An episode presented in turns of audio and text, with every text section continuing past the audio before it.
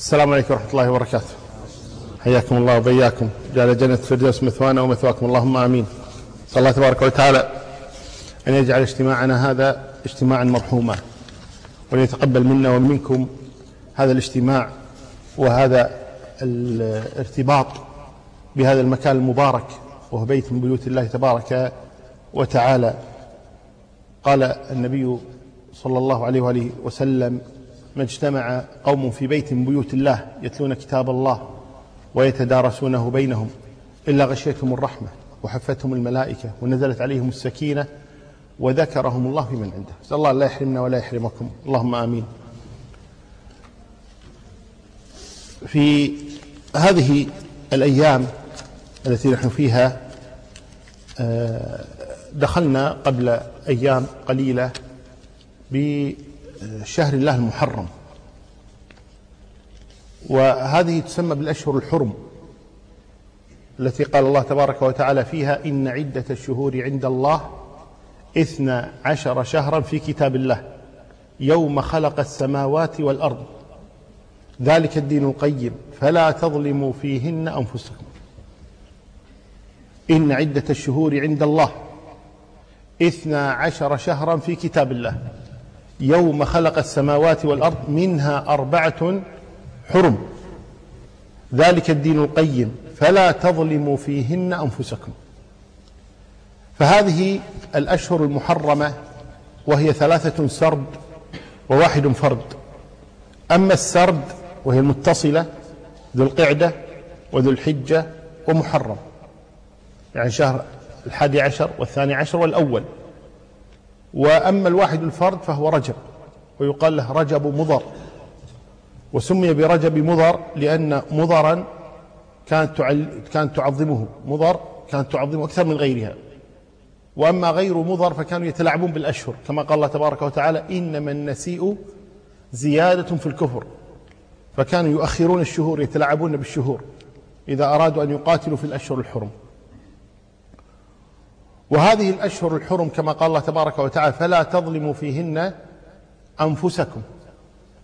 فالظلم في هذه الأشهر أعظم منه في غير هذه الأشهر.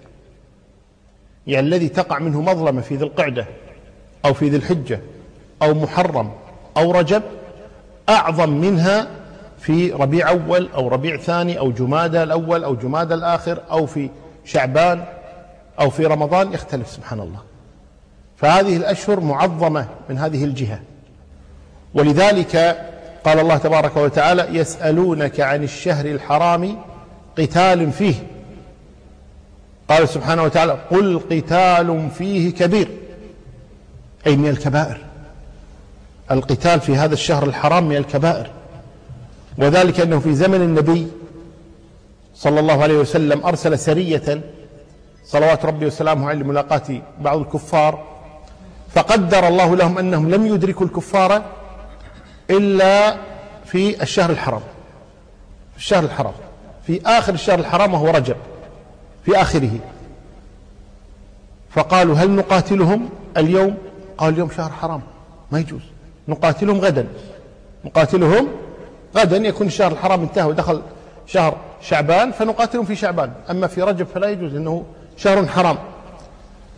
ولكن المشكلة هي أنهم إذا لم يقاتلوهم الآن فإنهم يسيرون وسيدخلون في البلد الحرام.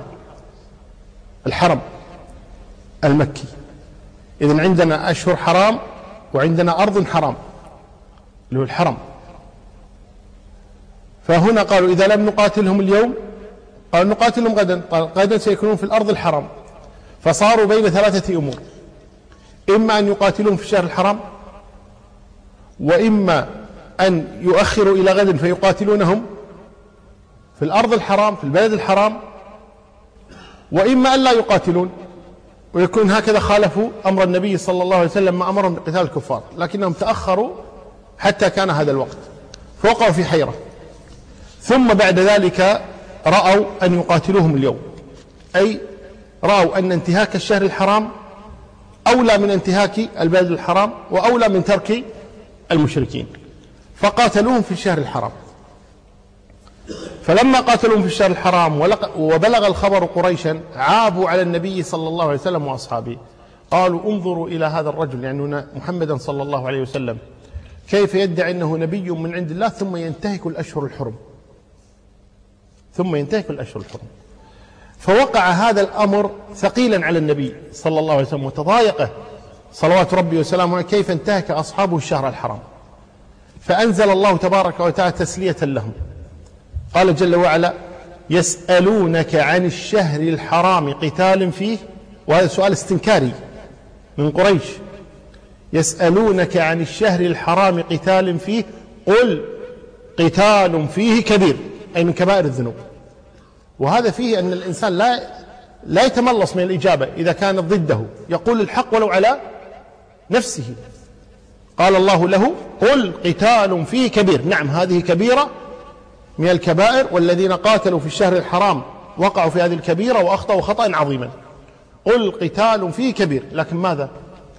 قال وصد عن سبيل الله وكفر به والمسجد الحرام وإخراج أهله منه أكبر عند الله والفتنة أكبر من القتل.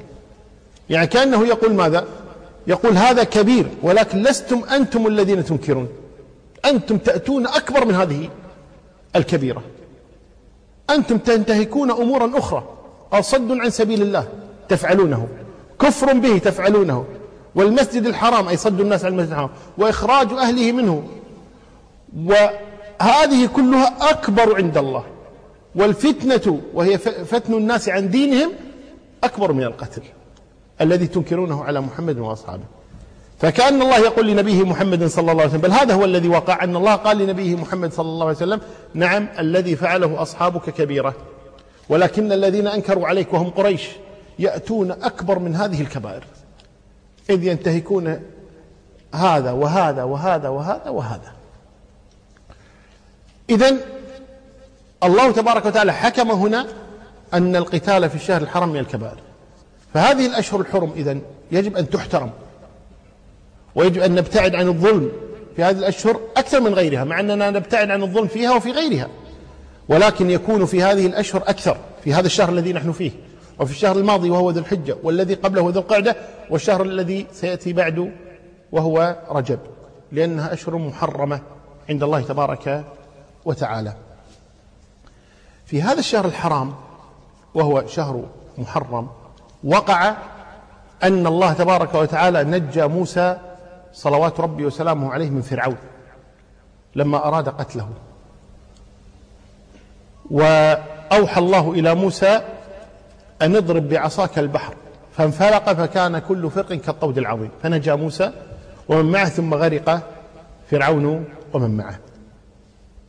وعندها يعني حمد الله حمد الله موسى عليه الصلاة والسلام على هذه النجاة. وصام الناس بعد ذلك هذا اليوم شكرا لله جل وعلا. وصامه النبي محمد صلى الله عليه وسلم. وصوم عاشوراء سنة عن النبي صلى الله عليه وسلم. وأحكامه جاءت يعني آه، آه، على درجات. كان أهل الجاهلية قريش وغيرهم كانوا يصومون عاشوراء قبل هجرة النبي بل قبل بعثة النبي صلى الله عليه وسلم. كانت قريش تصوم عاشوراء وكان النبي صلى الله عليه وسلم يصوم عاشوراء صلى الله عليه وسلم قبل مبعثه قبل نبوته كان يصوم عاشوراء مع قريش. فلما بعث صلوات ربي وسلامه ظل يصوم عاشوراء وهذا مما توارثته الأجيال. مما الأجيال مثل حجهم مثل طوافهم وسعيهم توارثوا توارثوا صوم عاشوراء. فكان النبي صلى الله عليه وسلم يصومه قبل البعثة وبعد البعثة. ظل يصوم عاشوراء. ثم لما هاجر صلوات ربي وسلامه عليه إلى المدينة ظل يصوم عاشوراء حتى جاءت السنة الثانية. ونزل قول الله تبارك وتعالى شهر رمضان الذي أنزل فيه القرآن هدى للناس وبينات من الهدى والفرقان. فمن كان منكم مريض آه لا الآية التي قبلها التي قبلها يا أيها الذين آمنوا كتب عليكم الصيام كما كتب على الذين من قبلكم أياما معدودات. فمن كان منكم مريضا أو على سفر فعدة من أيام أخر. وعلى الذين يطيقونه فدية طعام مسكين. فكان الصوم على التخيير. كان الصوم على التخيير. من شاء صام ومن شاء أطعم. من شاء صام ومن شاء وهذا في السنة الثانية.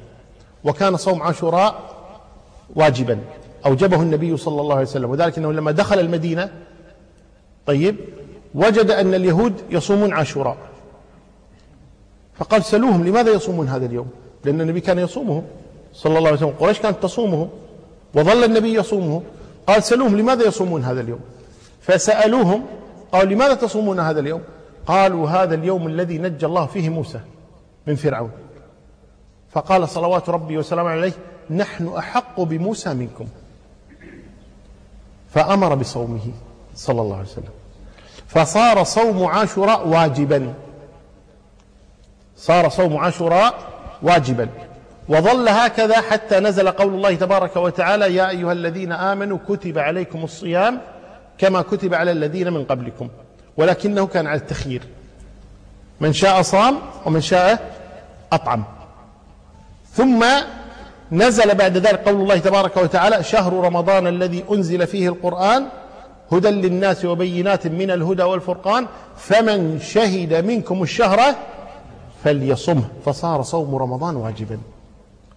فلما وجب صوم رمضان صار صوم عاشوراء مباحا. قال النبي صلى الله عليه وسلم من شاء فليصم ومن شاء فليفطر. صار مباحا صوم عاشوراء. يعني انتقل من الوجوب إلى الإباحة. ثم جاءت المرحلة الثالثة في صوم في صوم عاشوراء فقال النبي صلى الله عليه وسلم عن عاشوراء صوم عاشوراء يكفر سنة ماضية. فانتقل إلى الاستحباب. إذا كان واجبا لما كان وحده. ثم صار مباحا لما جاء صوم رمضان ثم انتقل إلى الاستحباب فصار مستحبا. وأما الشبهة التي تثار وهي أنه كيف يأخذ النبي من اليهود؟ فإن النبي صلى الله عليه وآله وسلم كان في أول أمره يعني قبل أن تكتمل الشريعة قبل أن ينزل قول الله تبارك وتعالى اليوم أكملت لكم دينكم وأتممت عليكم نعمتي ورضيت لكم الإسلام دينا. قبل ذلك كان النبي صلى الله عليه وسلم إذا لم يأته شرع في شيء ما فإنه كان يحب أن يوافق أهل الكتاب لأنهم على انحرافهم إلا إنهم أقرب إلى الحق من المشركين قطعا. وإذا قال الله تبارك وتعالى ألف لام ميم غلبت الروم في أدنى الأرض وهم من بعد غلبهم سيغلبون في بضع سنين. ويو آه، في بضع سنين. لله الأمر من قبل ومن بعد ويومئذ يفرح المؤمنون بنصر الله. أي بنصر الله لأهل الكتاب على المجوس. فالقصد أنه كان يحب موافقة أهل الكتاب. صلوات ربي وسلامه عليه. لكن بعد أن تكاملت الشريعة بعد ذلك صار صلوات ربي وسلامه حريصا على مخالفة أهل الكتاب لأنه كمل عنده الشرع. صلوات ربي وسلامه عليه. فقال في آخر سنة في السنة العاشرة قال لئن عشت إلى قابل لأصومن التاسع. وهنا اختلف أهل العلم هل يصوم التاسع بدل العاشر أو أنه يصوم التاسع مع العاشر؟ أكثر أهل العلم على أنه يصوم التاسع مع العاشر. أنه يصوم التاسع مع العاشر يخالفهم لأنه يبقى هو اليوم الذي نجى الله فيه موسى. ويصام على أنه آه، شكر. لله تبارك وتعالى على نجاة موسى صلوات ربي وسلامه عليه ولكن يزيد عليه أنه يصوم معه التاسع أو الحادي عشر كما جاء في بعض الأحاديث أنه يصوم يوما قبل أو يوما بعده ليخالف أهل أهل الكتاب أهل الكتاب فيبقى صوم عاشوراء مستحبا. شكرا لله على نجاة موسى صلوات ربي وسلامه عليه. أنا ما ودي أني أقلب هذا اللقاء إلى محاضرة لكن جاء الوقت هكذا يعني المناسبة. المهم قدر الله تبارك وتعالى أنه في نفس هذا اليوم يعني يوم عاشوراء في سنة 61 من الهجرة أنه استشهد الحسين بن علي رضي الله عنه ومعه جماعة من أهل بيت النبي صلوات ربي وسلامه عليه. فلما وقع استشهاد الحسين رضي الله عنه وأرضاه قام البعض ممن يعني آه، غدر بالحسين وخانه وظلمه رضي الله عنه وأرضاه. قاموا بشيء ما يسمى بتأنيب الضمير. وأرادوا أن ينتقموا لمقتل الحسين من أنفسهم ابتداء ثم ممن باشر القتل. وسموا أنفسهم بجيش التوابين. يعني يتوبون من الجريمة التي وقعت منهم وهي الغدر بالحسين حيث إنهم دعوه لينصروه ثم خذلوه فلم ينصروا حتى قتل رضي الله عنه وأرضاه. فسموا أنفسهم بجيش التوابين. وانتقموا للحسين رضي الله عنه عندما قتلوا عبيد الله بن زياد وهو الأمير الذي أمر بقتل الحسين رضي الله عنه وكان عبيد الله بن زياد هذا من الخبثة من النواصب الذين يبغضون آل بيت النبي صلى الله عليه وآله وسلم. ولكن خرجت جماعة ممن قتل الحسين رضي الله عنه وأرضاه وصاروا يطالبون بدم الحسين رضي الله عنه ليدفعوا التهمة عن أنفسهم. وإنسان ذلك إذا وقعت منه التهمة يتهم الآخرين حتى يبعد التهمة عن نفسه.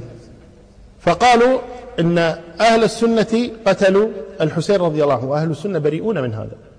بل أهل السنة يعلنون ليلا ونهارا أنهم بريئون من مقتل الحسين رضي الله عنه ويلعنون قتلة الحسين. وهذا أمر مجمع عليه بين أهل السنة في لعن قتلة الحسين رضي الله عنه وأرضاه ومن معه. فهؤلاء الذين قتلوا الحسين صاروا بعد ذلك يتهمون غيرهم بأنه قتله رضي الله عنه وأرضاه. وقد اعترف بهذا كثير من علمائهم وقبل أن نتكلم عن هذه القضية نقول اتفق على هذا أولا آل بيت النبي صلى الله عليه وسلم علي بن الحسين ابن الحسين علي. وكان موجودا في هذه المعركة لكنه لم يقتل لأنه لم يشارك في القتال لأنه كان مريضا. وكان يعني سنه في ذلك اليوم قريب من 21 سنة رضي الله عنه. علي الحسين يعني شاهد عيان. على هذا. بعد أن انتهت هذه المعركة ودخل الكوفة فوجد أهل الكوفة يبكون. فقال على ماذا يبكون؟ قالوا يبكون قتلاكم. فقال وهل قتلنا غيرهم؟ هم الذين قتلونا الآن يبكون علينا. ثم جاءت زينب أخت الحسين بنت علي رضي الله عنها. وأيضا رأت النساء يبكين في الكوفة. فقالت صح نساء الكوفة. يقتلنا رجالكم وتبكين نساؤكم. فالله الحاكم بيننا وبينكم يوم القيامة. واعترف بهذا كثير من علمائهم حيث قال مرتضى المطهري وهو من كبار علماء الشيعة قال والعجيب أن الحسين قتل بأيدي الشيعة. قال وهذا أمر غريب لا ندري كيف وقع. وقال كذلك محسن الأمين في أعيان الشيعة وهو من كبار علمائهم قال وبايع الحسين عشرون ألفا من شيعته من أهل الكوفة ثم بعد ذلك غدروا به فقتلوه وبيعته في أعناقهم. فبعد هذه الأيام صاروا بعد ذلك يطالبون بدمه. مع إقرار علمائهم أنهم هم القتلة صاروا الآن يطالبون بدمه وهذا من الكذب والزور. فالشاهد من هذا كله أن هذا اليوم يعني يوم عاشوراء هذا اليوم يجب على المؤمنين جميعا أن يتذكروا نعمة الله تبارك وتعالى في نجاة موسى. ومن معه صلوات ربي وسلامه عليه من فرعون فيصومون هذا اليوم شكرا لله تبارك وتعالى. وهذا الصوم ليس على الوجوب وإنما على الاستحباب وإنما الواجب هو الحمد. أن نحمد الله تبارك وتعالى على هذا الأمر. وأيضا الإنسان إذا تذكر مثل مصيبة الحسين رضي الله عنه ومقتله يجب عليه أن يحزن لهذا الأمر الذي وقع للحسين رضي الله عنه. وذلك يخطئ من يقول اليوم أن هذا اليوم يوم فرح وسرور ويخطئ من يقول هو يوم حزن وثبور. هذا خطأ وهذا خطأ. هذا يوم من أيام الله تبارك وتعالى. وليس في الدنيا شيء اسمه يوم حزن ويوم سرور. وإنما السرور يكون في يوم العيد كما هو مقرر في شرعنا أنه لنا عيدان أنه لنا عيدين عيد الفطر وعيد الأضحى فقط. وأما أنه يوم للحزن لا يوجد في شرعنا يوم للحزن أبدا ولا يوجد يوم للفرح غير هذين اليومين ويوم الأضحى ويوم الفطر فقط. وأما باقي الأيام فكل بحسبه. وقد يأتي يوم عاشوراء رجل يتزوج في هذا اليوم أو يولد له أو يبشر بوظيفة أو بميراث أو ما شابه ذلك فيكون يوم فرح. والنفس والرجل نفسه بعد سنة أو سنتين يموت له ولد أو يخسر وظيفته أو تموت زوجته أو كان في هذا اليوم فيكون يوم حزن. فماذا يفعل؟ يبكي ويضحك طول اليوم يتذكر يوم ما وقع له من حزن ووقع له من فرح في هذا اليوم. هذا غير لا يقبله عاقل هذا أصلا. فالقصد أنه لا يقال هذا في مثل هذا اليوم وإنما يقول هو يقال هو يوم من أيام الله تبارك وتعالى وشرع لنا أن نصوم هذا اليوم اقتداء بالنبي صلى الله عليه وآله وسلم والله أعلى وأعلم.